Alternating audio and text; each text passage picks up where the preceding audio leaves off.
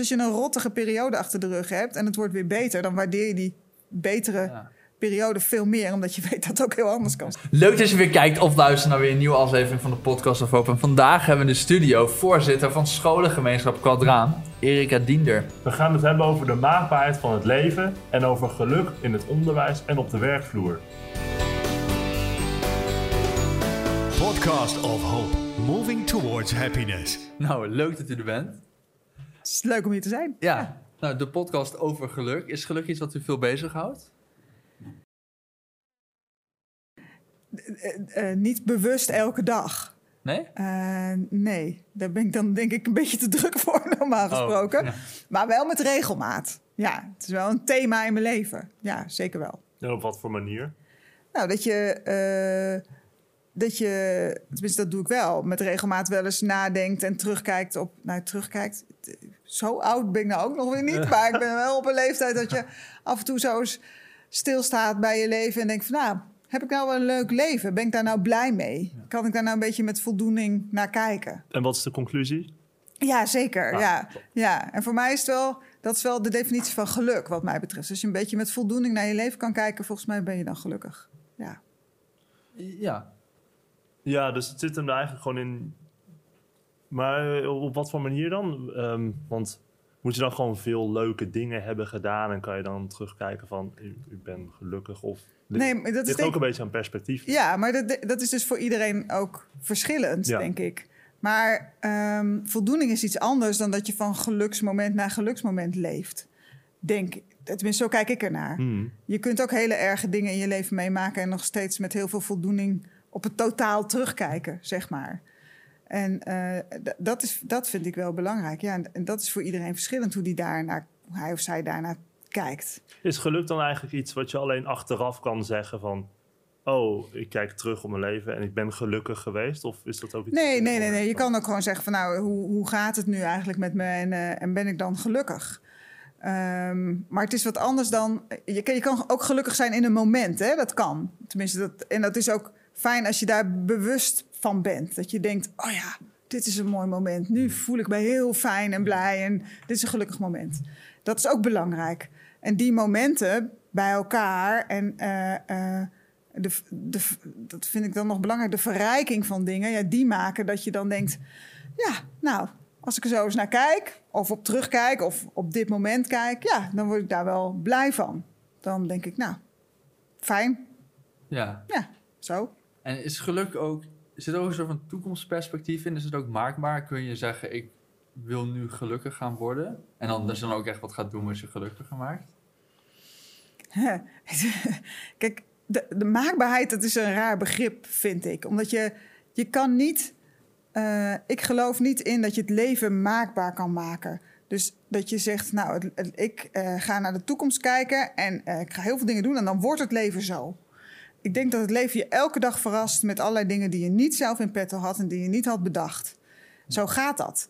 Eh, alleen hoe je daartoe verhoudt bepaalt denk ik wel in welke mate je geluk ervaart of niet.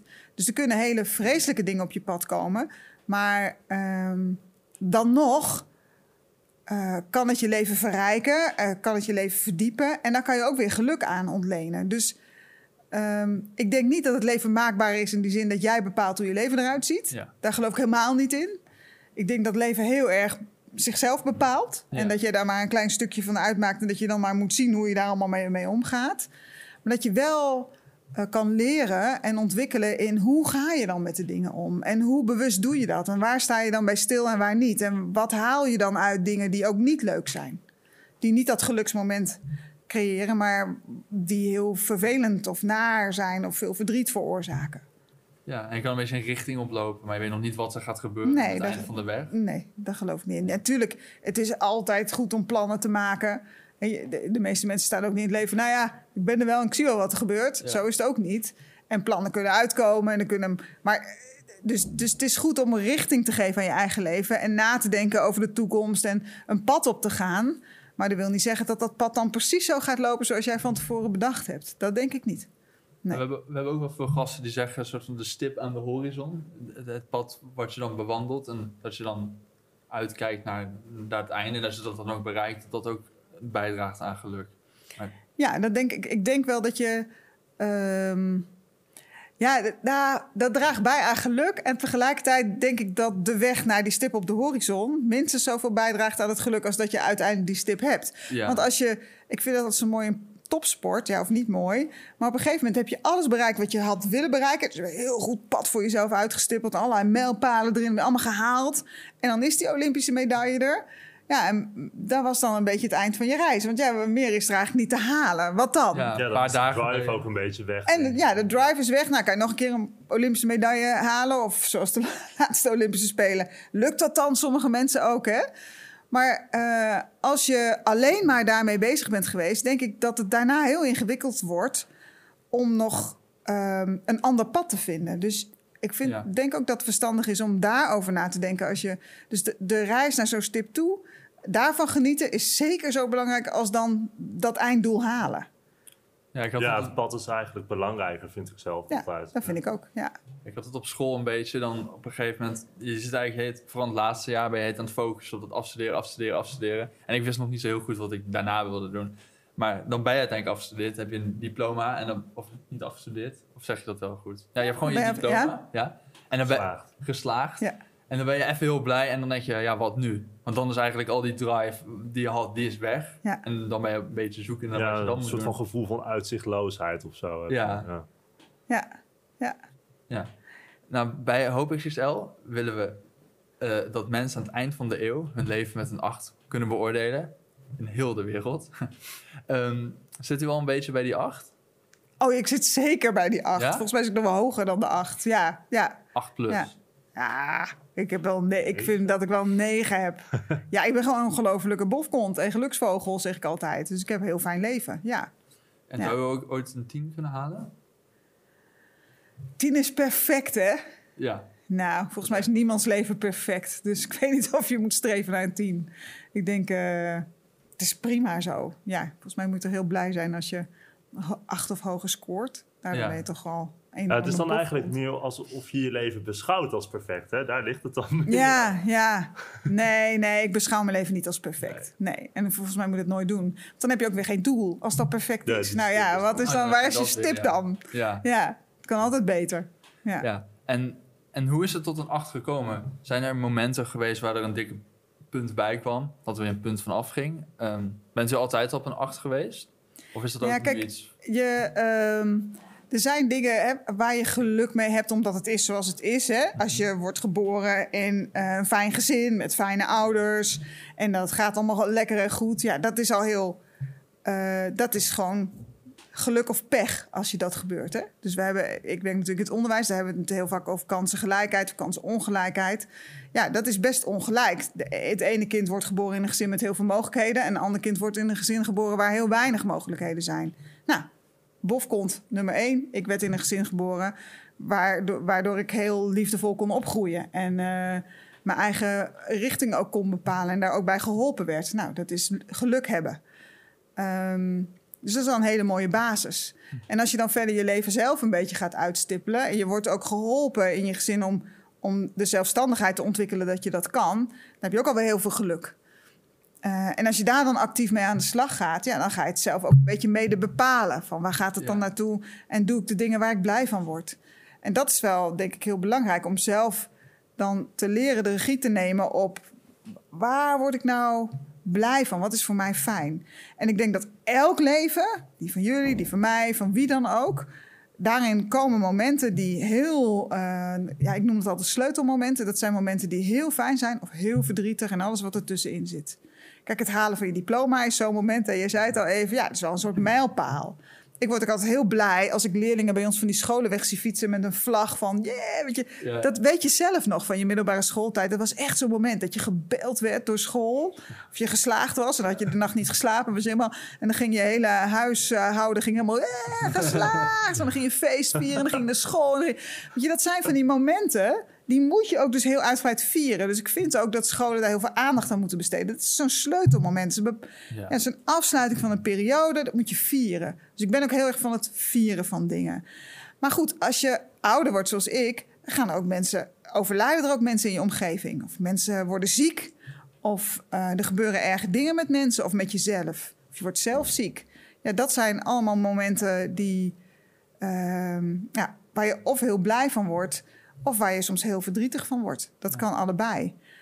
Ehm, maar allebei kan het ook bijdragen aan je geluk. En Ook de vervelende momenten. Ja, ook. Ja. Op wat voor manier dan?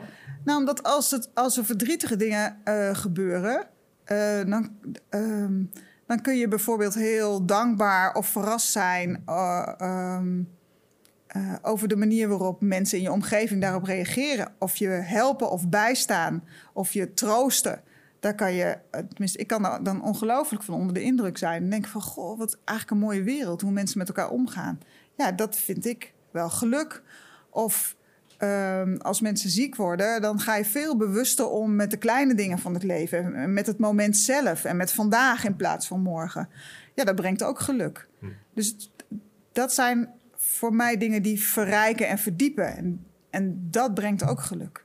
Dus het is niet alleen maar kommer en kwel dan. Eh, en de kommer en kwel helpen ook, eh, omdat als mijn moeder zei altijd: als het heel naar wordt, wordt het ook altijd weer beter. En dat is zo. ja. Dus er komt altijd na, na een periode ook een periode dat het weer beter is. Die waardeer je veel meer als je weet dat het ook heel slecht kan zijn. Ja, het wordt in een heel nieuw perspectief gezet Ja, eigenlijk. ja. Ja. Dus als je een rottige periode achter de rug hebt en het wordt weer beter, dan waardeer je die betere Ja. Periode veel meer, omdat je weet dat het ook heel anders kan zijn. Ja, en je komt er vaak ook uit als een sterke mens. Tenminste, als je eruit komt, dan denk ik dat je eruit bent gekomen als een sterke mens. Anders kom je er ook niet uit. En je hebt weer meer levenservaring opgedaan. En je hebt ervaring opgedaan met, met dingen die niet leuk zijn. En daarmee kan je andere mensen ook weer helpen als die in een periode zitten die minder leuk is. Omdat je ook hebt ervaren hoe belangrijk het is dat andere mensen jou dan steunen. Ja, en dat merk je tegenwoordig ook wel met de... Nou, we stonden altijd over corona te beginnen, maar... maar Hij hebben het nooit over. Nee, we hebben het nooit over. Nee, nee maar je, je merkt wel dat aan de ene kant heeft iedereen het, nou niet iedereen het kut, maar het gaat, het gaat slechter. Maar je, je hebt ook wel vooral aan het begin meer het gevoel van samenhorigheid. Ik moet zeggen, nu is het wel een beetje weg. Maar ja, dat komt er wel weer bij kijken. Dat mensen toch wel weer meer samen op gaan trekken. Ja, en dat gebeurt natuurlijk altijd in periodes die minder leuk zijn. Ja, Dan gaat de verbinding weer tellen en de saamhorigheid. En nou, we hebben allemaal met elkaar zitten we in een nare situatie. Laten we dan het beste van maken. Ja, dat, dat levert ook op. En als het heel goed gaat, eh, of bijvoorbeeld in een land heel economisch heel goed gaat en iedereen is daar blij over, dan zie je andere dingen die minder leuk zijn. Dan gaan mensen meer hun eigen weg en dan is die verbinding een beetje weg en gaan mensen meer voor hun eigen hachie. Ja, eh, beide, beide dingen hebben hun voor- en nadelen. ja. ja, en als het dan weer slecht gaat, dan denk je, oh, eigenlijk hadden we het toch best wel goed. Ja. ja. Ehm, nou, en u- had het net een beetje over die kansenongelijkheid. Ehm, en ja, hoe, hoe werkt dat? Want u bent hoofd van 14 scholen in, in Gelderland of door heel Ja, Nederland? in eh, eh, Arnhem en de omgeving van Arnhem. Dus Arnhem, Duiven, Westervoort, Zevenaar. Didam Ja. en Elst. En is, is het geluk van de leerlingen ook eh, iets belangrijks waar jullie veel mee bezig zijn? En dan misschien ook dus die kansongelijkheid misschien kleiner maken als dat er een beetje mee te maken Ja. heeft? Voor Ja, dat is natuurlijk heel belangrijk. De kansongelijkheid is een heel groot thema in Nederland ook. Ja. Ehm, maar ik zeg altijd wel nog een beetje een politiek correct thema. Hè? Dus we vinden allemaal dat het anders moet, totdat het onszelf betreft. En dan Ja. kijken we er wel anders naar. Dus als je naar de keuze van ouders kijkt voor de school van hun kinderen... dan zijn ze nog niet zo heel erg van de kansengelijkheid. Ehm, maar eh, ik, ik vind dat maatschappelijk een heel belangrijk thema. Dus daar hebben wij ook eh, aan te werken met elkaar. Dus we, we doen onderzoek, ook samen met de universiteit... van hoe eh, wat, wat is dat nou eigenlijk voor verschijnsel en wat kunnen wij doen om dat te verkleinen? Want het onderwijs kan het niet oplossen, dus kan er wel aan bijdragen. Door bijvoorbeeld, en wat je nu ziet, is dat eh, we heel veel verschillende scholen hebben. Dus we hebben in Arnhem een stedelijk gymnasium en we hebben eh, scholen voor eh HAVO, VWO en we hebben VMBO's. Nou, dat, waarom hebben we dat allemaal zo gescheiden? We zouden ook brede scholengemeenschappen kunnen maken waar alle kinderen naar dezelfde school gaan. Hmm. Dus alle kinderen gaan naar dezelfde school totdat ze twaalf zijn. En dan halen ze helemaal uit elkaar. Ja. Nou, dat is bijzonder en het, het doet iets met de kansengelijkheid. Nou, dat is belangrijk. En als het gaat om geluk van leerlingen, ja, dat, dat is. Ik, weet, ik heb voordat ik hier kwam werken bij de politie gewerkt. En wat ik daar. eh, ehm, en omdat, want ik kwam uit het onderwijs. Dus ik heb, ben van het onderwijs naar de politie gegaan en van politie weer naar het onderwijs. ja. Eh, maar weer terug. Eh, toch weer terug. nee, maar eh, nee, hoor, ik vond het heel erg mooi om werken bij de politie. Maar wat, dus om ook dat vak heel goed te kunnen leren, te leren kennen, het politievak, ben ik ook heel veel op straat aan het werk geweest. En wat ik zo moeilijk vond, is dat we dan eh, kinderen van 12, 13, nou, die hadden iets gedaan wat niet, niet kon, wat echt niet kon. Die hadden iets gejat in een supermarkt of, nou ja, of nog veel ergere dingen ook soms. En dat je die dan vast moest zetten. Dus die moest je dan in een cel zetten. Dat vond ik, ja, dat vond ik zo niet kunnen. Maar ja, ik wist ook, ik had er toen geen alternatief voor. Dus toen ik ehm, eh, na die tijd in het voortgezet onderwijs ging werken, toen dacht ik wel van ja, dat is wel. Dan werken we wel met kinderen in een leeftijd waar je nog. Eh, ja, waar je een hele belangrijke rol hebt als onderwijs. Omdat we in het onderzoek bij de politie erachter kwamen dat kinderen. dat het niet goed gaat met, met kinderen als, je, als het in, het, in eh, de thuissituatie niet goed gaat of in het onderwijs. En heel vaak ging het op allebei fout.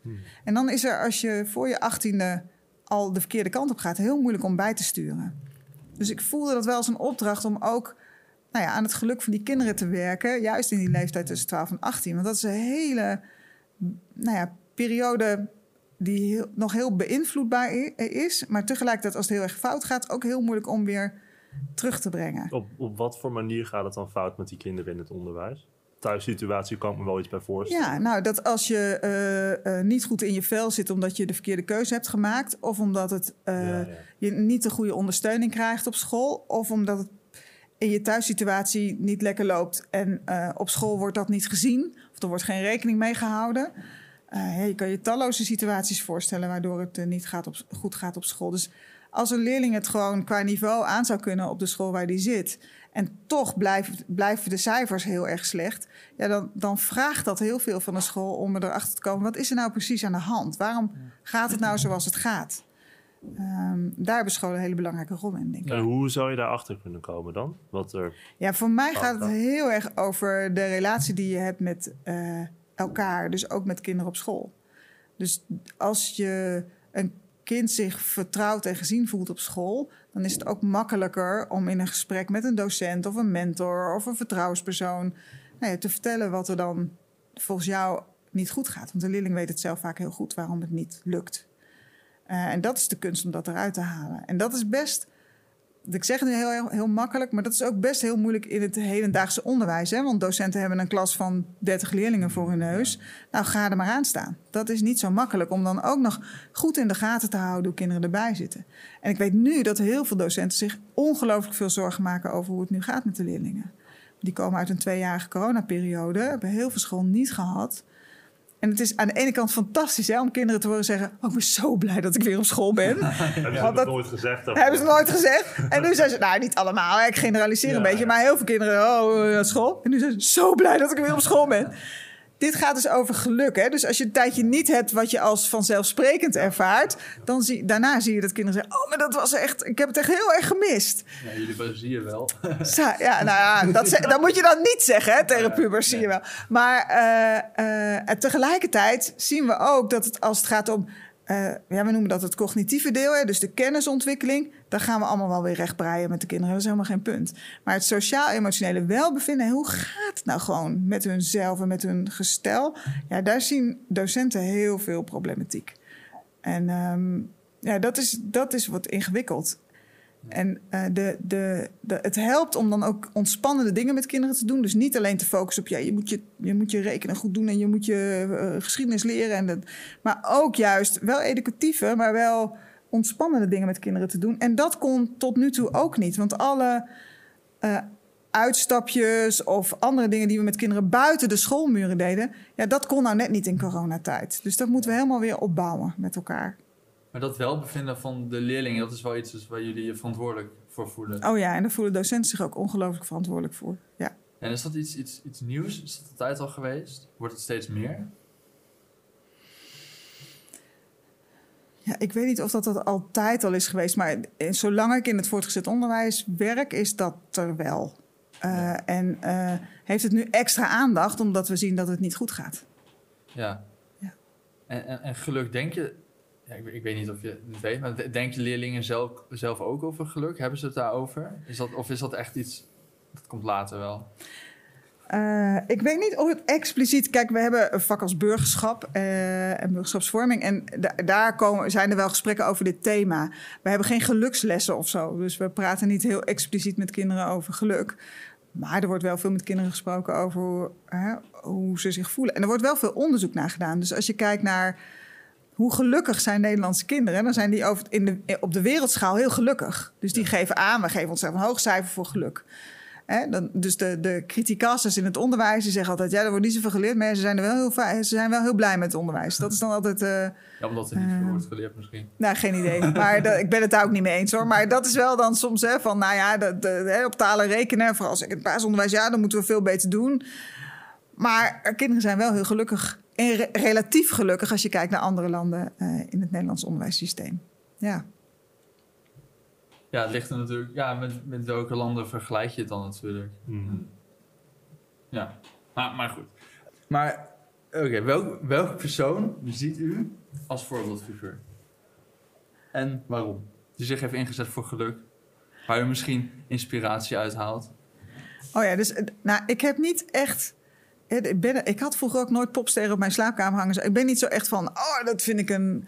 Kijk, ik vind. Er zijn veel, best wel veel mensen in deze wereld. Dat zijn grootheden, hè, die zich heel erg voor de wereld hebben ingezet. Ja. En die kennen we allemaal. Dus eh, Martin Luther King. Je, kent, je kan al die. Noem Er zijn, noem maar een.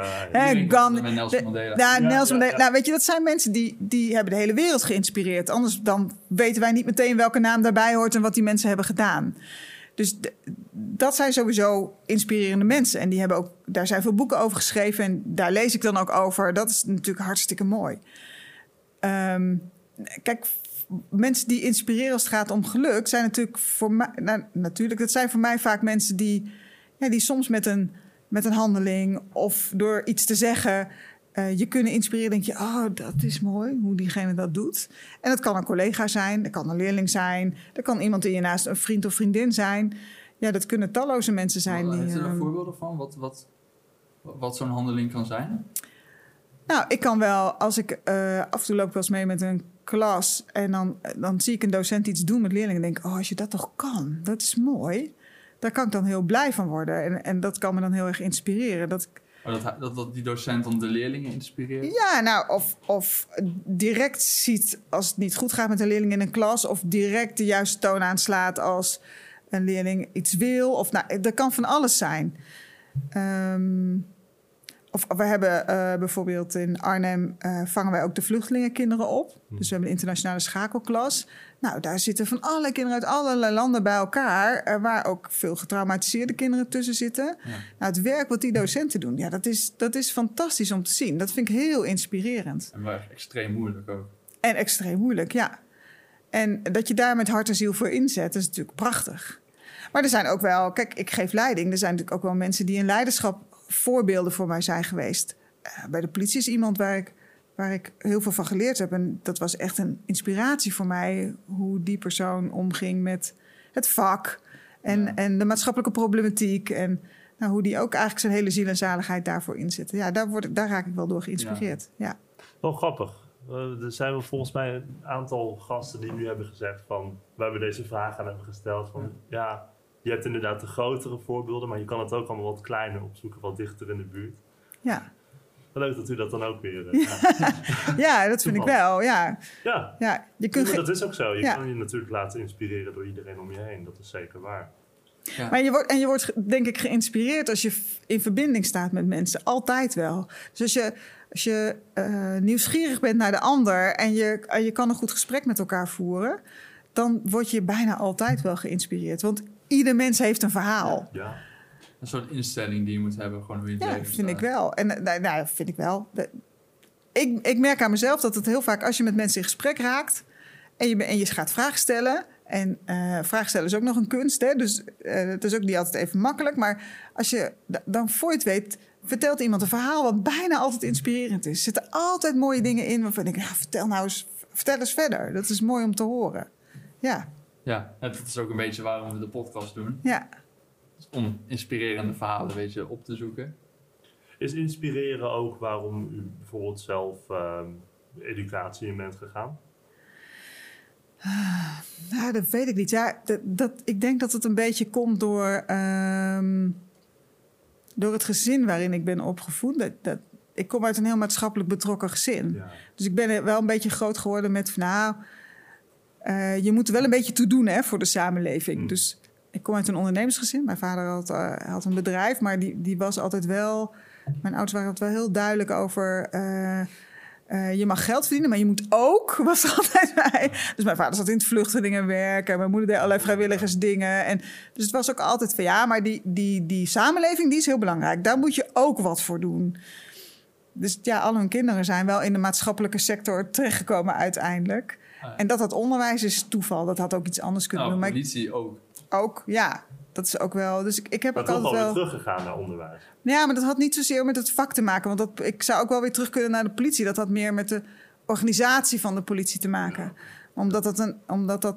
Toen ik daar kwam, hadden we heel veel korps in Nederland. En ik werkte bij een politiekorps. En in de tijd dat ik daar werkte, werd dat één grote landelijke organisatie. Ja, en dan wordt mijn, mijn invloed voor mijn gevoel te klein. Dus dan word ik een heel klein radertje in een hele grote organisatie. Ja, en daar, dan kan ik er te weinig toe doen. Dat zou misschien eh, wat het Maar je is. zou wel, wel zelf veel invloed kunnen hebben. Ja, ik vind het wel. Ik, ja, dat is dan ook wel iets. Ik vind het dan wel fijn als ik dan voor mijn gevoel ook iets kan veranderen of iets kan beïnvloeden. Ja. Ja, daar doe ik het wel voor. Dus en ehm, ja, dat kon daar veel moeilijker. Dus toen dacht ik, nou, dan moet ik weer een andere Ja. plek zoeken waar dat wel kan. Ja, zo werkt het dan. En we hadden hier opgeschreven, eh, u komt uit de politiewereld waar, waarin u de mensen meer moet corrigeren. U werkt nu in het onderwijs waar je de mensen meer wilt stimuleren. Ja. ja, dat is grappig, want dat is een beeld wat je dan hebt, wat je Ja. bij de politie doet. Want ik heb helemaal niet het gevoel gehad dat ik bij de politie de mensen moest corrigeren.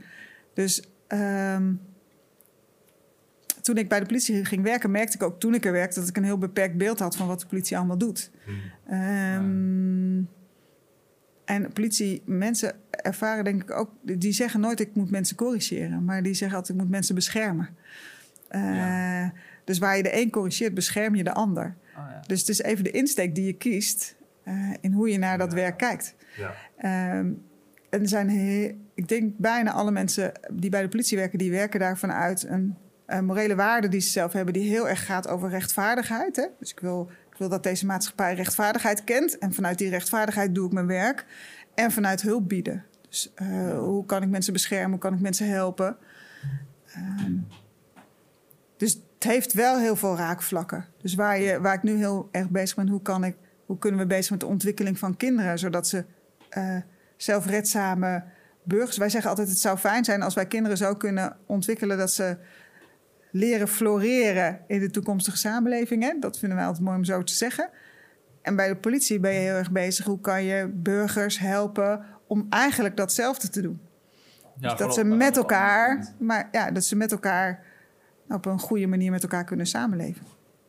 Ja, door eigenlijk de, de, de punten waardoor ze niet zouden kunnen floreren aan te pakken of zo. Ja, en ook te helpen. Kijk, het gaat natuurlijk, het is niet Ja, het, eh, dat je een, een bon uitschrijft voor iemand die door rood licht rijdt, het is maar echt een minuscuul onderdeeltje van het werk bij de politie. Ja. Daar gebeurt veel meer. Ja, nee, is dat niet het enige wat je doet? nee, ja, nee, niet echt. Heel veel boeven vangen en schieten en explosies.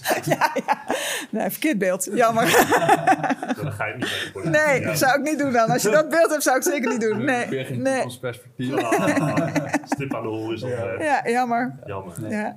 Nou, we hadden ook gevraagd een voorwerp mee te nemen. Maar Ik heb geen voorwerp bij. Nee, Vergeten jullie hebben of, eh? gevraagd van, goh, kan je een aantal foto's meenemen die iets, eh, iets zeggen over jouw geluk? Hè? Dat heb ik wel gedaan, maar ik, ja, eh, ik dacht een voorwerp over geluk. Er zijn geen spullen die me heel blij maken. In, ja, wel, hè, een goed boek is leuk, lees je en dan Ja. word je blij van. Of nee, je, je koopt een nieuw bankstel, zit hartstikke lekker, word je ook helemaal blij van, Ja. kan je lekker op liggen. Dat is absoluut waar. Maar als je kijkt, wat maakt mij nou het gelukkigst in mijn leven? Dan zijn dat eh, niet de dingen of voorwerpen, maar gaat het heel erg over ehm, belevenissen, eh, reizen, eh, mooie omgevingen zien. eh, dingen die je, die hier opslaat en die altijd in je herinnering blijven. Dus je moet, moet herinneringen sparen en niet spullen, zeg ik altijd. ja, ik, ik dacht dat het zoiets zou zijn. Ja. Van, ik neem geen voorwerp mee, want Nee. materialisme is stom of zoiets. Nee, materialisme vind ik helemaal niet stom. Want ik kan ook heel erg genieten van mooie architectuur. En ik kan heel erg genieten van prachtige woninginrichtingen. Dus ik kijk eh, met name Scandinavische Netflix-series, omdat ik er ongelooflijk Oh. kan genieten van A, de natuur, maar B ook Ja? eh, hoe huizen eruit zien. Dat vind ik allemaal prachtig. Dus daar kan ik heel erg van genieten. Maar als het gaat, wat bepaalt nou het geluk in je leven? Dan denk ik, ja, dat is niet dat. Nee. Eh, dat is meer, ja, als, als je dan toch een beetje terugkijkt op je leven... en wat komt er dan naar boven als waar, waar word je gelukkig van... dan gaat het over de dingen die je samen met andere mensen gedaan hebt. En niet Ja. de inrichting van je huis. Ja, en u zei net ook reizen. En ik weet niet of het natuur zijn, maar dat zei u Ja, het vorige gesprek wel. ja. Eh, ja, wat is het aan, aan dat soort dingen? Is dat omdat je dat met mensen beleeft? Of wat, maakt, wat is het dat dat gelukkig maakt? Nou, dat je, dat je het met mensen beleeft en omdat je... ehm, Ik vind natuur altijd heel erg...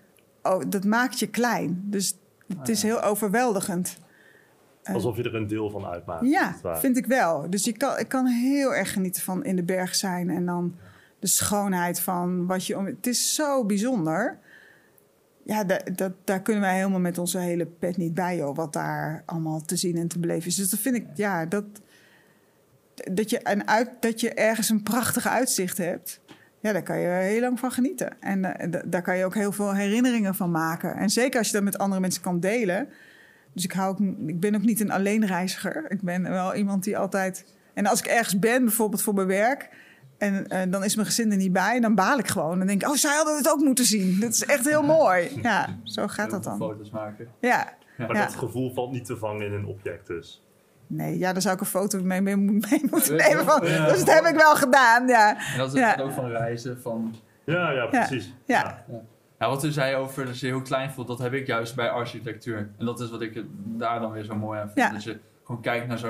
Ja, we hadden het tijdens het eten over de Sagrada Familia. Zo'n zo, zo Ja. immens groot kunstwerk van een gebouw. En dan, dan voel je je echt heel klein. Ja. Ja. Ja. Dus ik vind, eh, materialisme is niet, het is niet, het vind ik niet iets vies of zo. Vind ik helemaal niet. Ik hou ook van mooie dingen. Kan ik heel erg van genieten. Maar eh, nou ja, als je vraagt naar je, wat maakt je geluk? Als ik dan een keuze moet maken, dan zeg ik, nou neem ik geen voorwerp mee. Dan deel ik liever de verhalen over de dingen die ik heb meegemaakt. Dat vind ik dan Ja. Nou, beter passen. is het uiteindelijk toch nog een mooi, eh, Nou, daarom. ja. En u heeft ook een boek geschreven. Waarzeggers in het onderwijs. Ja, samen met mijn collega. Eh, dus we zijn als bestuur met z'n tweeën. Eh, mijn collega Patrick Ekringa en ik hebben een boekje geschreven. We hebben twee boekjes geschreven. De eerste is Waarzeggens in het onderwijs. Omdat we... eh, ja, dat is wel een bijzonder verhaal. Eh, Je, je, je hebt wel een soort stip, als het om werk gaat, ook wel een beetje een stip op de horizon in je leven. Dat je denkt, nou, dat vind ik leuk, daar zou ik me nou wel naartoe willen ontwikkelen. Tenminste, ik had dat wel. Maar soms dan, gebeuren, dan zet je stappen en dan gebeuren er ook gewoon dingen. Dus uiteindelijk ben je dan bestuurder. En ik word dan bestuurder van zo'n organisatie. En hij werd dat, ik was het al een tijdje, toen kwam hij erbij en hij werd het ook voor het eerst. Toen begonnen we een beetje met elkaar, elkaar te delen wat, daar nou, wat ons daar nou zo in opviel. En eh, als bestuurder krijg je best wel heel veel oordelen over je heen. Ja, hoge bomen vangen veel wind, zeggen mensen dan. Hè? Eh, en af en toe dacht je van, "Ah, oh, dat gaat over mij. Oh ja, dat gaat over mij. Oh, Nee, ben- ik niet. ben ik dan zo echt... eh, eh, oh, kennelijk sta ik elke dag op om iedereen het leven heel erg zuur te maken. Nou, oké, dat is dan zo. Maar toen hebben we tegen elkaar gezegd van... Goh, waar, waarvoor doen wij dit eigenlijk? Waarom vinden wij dit zo belangrijk om te doen? Wat maakt het leuk? Eh, en wat willen wij dan ook met de organisatie? En daar hebben wij dus over geschreven, vanuit onze eigen waarden. Dus hebben we gekeken van welke waarden vinden wij nu zelf... Is voor mij, welke waarden zijn voor mij van belang? Welke waarden vindt hij belangrijk? En vanuit die waarden, wat, is dan, wat vinden wij dan onze opdracht in de organisatie? Dus wat zou er dan in het onderwijs moeten gebeuren? Wat is dan de maatschappelijke opdracht die wij hebben? Ja. En die maatschappelijke opdracht die hebben we dan vertaald in... Ja, en, en als wij die opdracht voelen en vanuit onze waarden vinden dat we daar wat mee moeten... hoe ziet ons werk er dan uit? Hoe, wat, hoe gaan wij dan besturen? En wat voor leiderschap hoort daarbij? Dus hoe gaan we dan leiding geven? Ah, ja. Nou, en dat hebben we opgeschreven. Dus iedereen die bij ons komt werken, die kan dat lezen. En die kan dan denken, nou, vind ik helemaal niks. Ik ga niet bij jullie werken. Dat kan. Oh, dat past ja. niet. Of iemand zegt, dat vind ik inspirerend. Daar wil ik wel werken. Dat kan ook. Dus we moeten het ook echt gelezen hebben voordat we komen werken. Iedereen die leiding gaat geven bij ons, die moet dat boekje in ieder geval lezen. En is dat Ja. dat ook waarom het is geschreven? Nou, dit was niet helemaal de bedoeling. In eerste instantie hebben we het gewoon geschreven voor de mensen die bij ons werkten. Dus onze directeuren van onze scholen, waar we natuurlijk heel intensief mee samenwerken. Daarvoor hebben we geschreven van, nou, dit is onze bedoeling. En dan is de volgende vraag, de uitnodigende vraag: wat is jullie bedoeling? Hmm. Hoe kijken jullie daar dan tegenaan? Of het met elkaar clasht of niet. En, en ja, hoe, en, en van daaruit hebben wij gezegd: oké, dan gaan we een soort lange termijn koers maken. Want dat moet je doen. En dat gaan we doen vanuit die waarden. Dus wij hebben gezegd: we maken een waardestrategie. Toen hebben we aan iedereen binnen Quadraam gevraagd, van een hele grote groep mensen, met heel veel mensen en interviews gehouden. Gewoon zo. Op de manier waarop wij dat nu ook doen. En we hebben heel veel enquêtes eh, ehm, onder mensen gehouden van. Wat vinden jullie nu belangrijk als het om die waarden gaat? Welke waarden vind je nou dat in deze organisatie, in het onderwijs waar jij werkt, van belang zouden zijn? Dat hebben we allemaal opgehaald. En van daaruit hebben we met elkaar bepaald: oké, dan zijn deze waarden zijn van belang voor deze organisatie. Vanuit die waarden gaan we dan onze strategie opbouwen.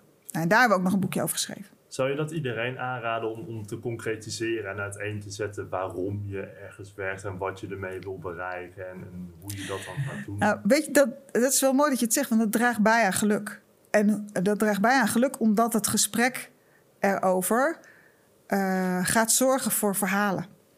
En eh, dus de dialoog die je met iemand voert over waarom werk je nou eigenlijk in het onderwijs? Daar komt een verhaal achterweg. Hm. En als ik ga begrijpen waarom jij in het onderwijs werkt en wat jouw drive is en waarom je dat doet en waarom je elke dag opstaat om ergens naartoe te rijden en je werk te doen, dan ga ik veel beter begrijpen wat jij nodig hebt of waar ik je mee kan helpen of waarmee jij je werk nog beter kan doen. Dat is voor, en dat draagt bij aan jouw werkgeluk als het een beetje mee zit. En het draagt ook bij aan mijn werkgeluk, omdat ik eh, ervan kan genieten als het beter gaat met de leerlingen. Ja. Ja, je kan heel erg op één lijn gaan zitten. Ja. Ja, dus een van onze kernwaarden is eerst begrijpen, dan begrepen willen worden. En heeft dat ook, oh, eh, Ja. heeft dat ook voor u zelf geholpen? Met wat u aan het begin zei, dat, dat u allemaal dingen over u heen kreeg. Dat u ja, de hoge bomen vangen veel wind. Ja, nou ja, daar moet je op een gegeven moment ook weer los van komen. Hè? Als je net gaat besturen, dan denk je, jee, wat gebeurt hier? ja. En er zijn absoluut momenten dat ik daar ook nog heel chagrijnig van word. Van alles wat je over je heen krijgt. Dat je denkt, je kan... Vooral als het... Dan voelt het heel onrechtvaardig. Vooral als het niet waar is. want Er worden natuurlijk ook heel veel dingen geschreven die gewoon niet waar zijn.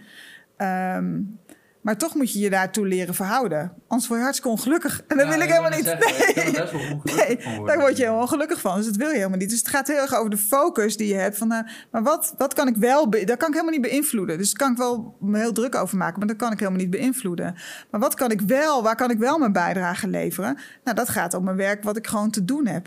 En dan moet ik maar zo goed mogelijk het voorbeeld geven... dat ik het niet zo doe zoals de meeste mensen denken dat ik het doe. Of, of zoals ze erover schrijven. Nou, en dat lukt vaak. En soms lukt het ook niet. Want ik maak ook fouten, elke dag. Dus ja, ik maak ook wel eens een zeepert. Ja, die wordt dan heel erg uitvergroot. Dat is dan mijn, eh, Ja, mijn makker. Dat hoort er dan bij. Ja. Ja.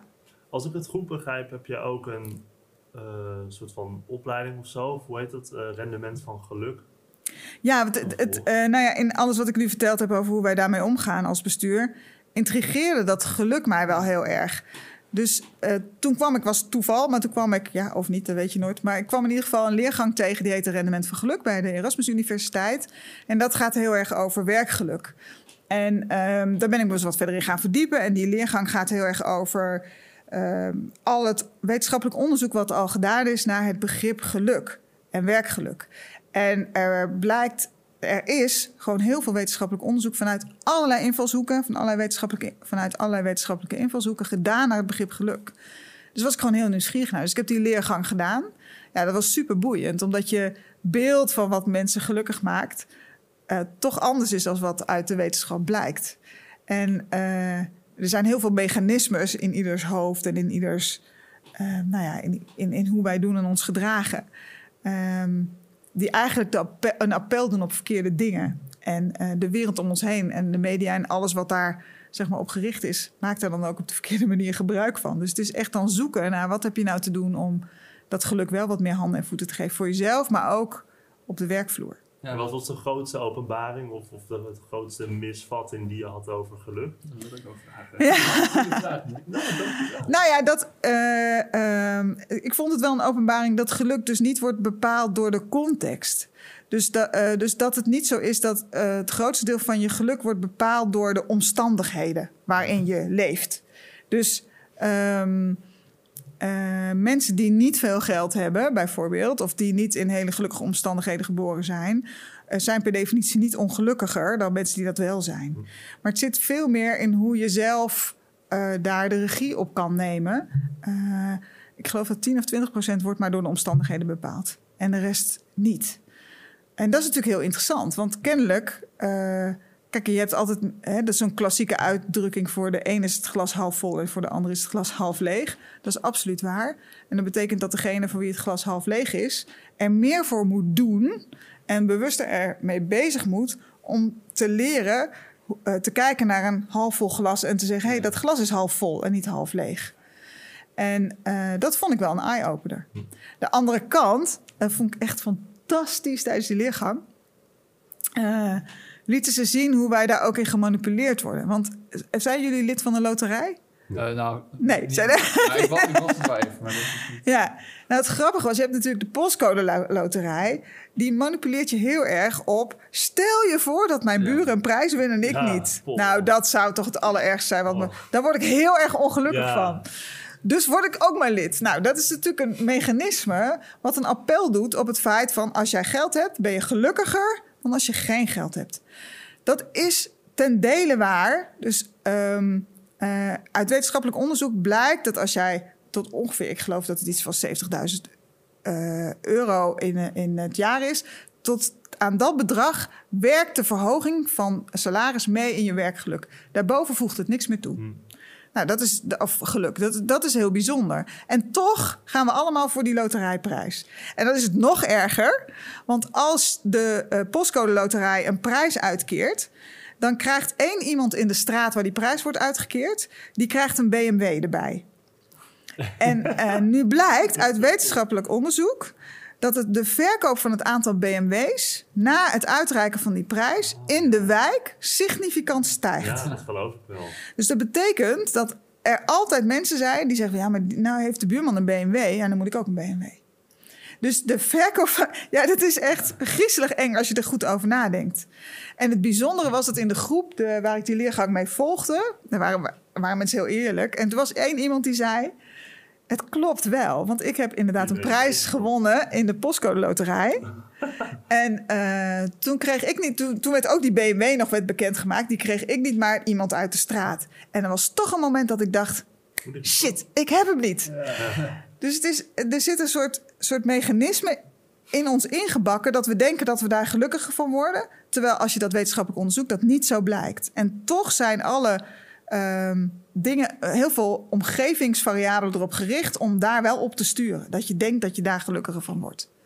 Nou, dat vond ik, ik vond dat verdienen bijzonder. zijn natuurlijk geld aan. Ja, tuurlijk. Aan Daar is alles op gericht. willen worden. Maar Ja. het meest hilarische vind ik nog dat, je dan zo denkt van... ah, stel nou mijn buurman krijgt het en ik dan niet. Oh, wat zou dat oneerlijk zijn. Ja, maar dat is het mechanisme waarop gestuurd wordt Ja. vanuit de Ja, dat postcode dus, loterij. je denkt. Ja.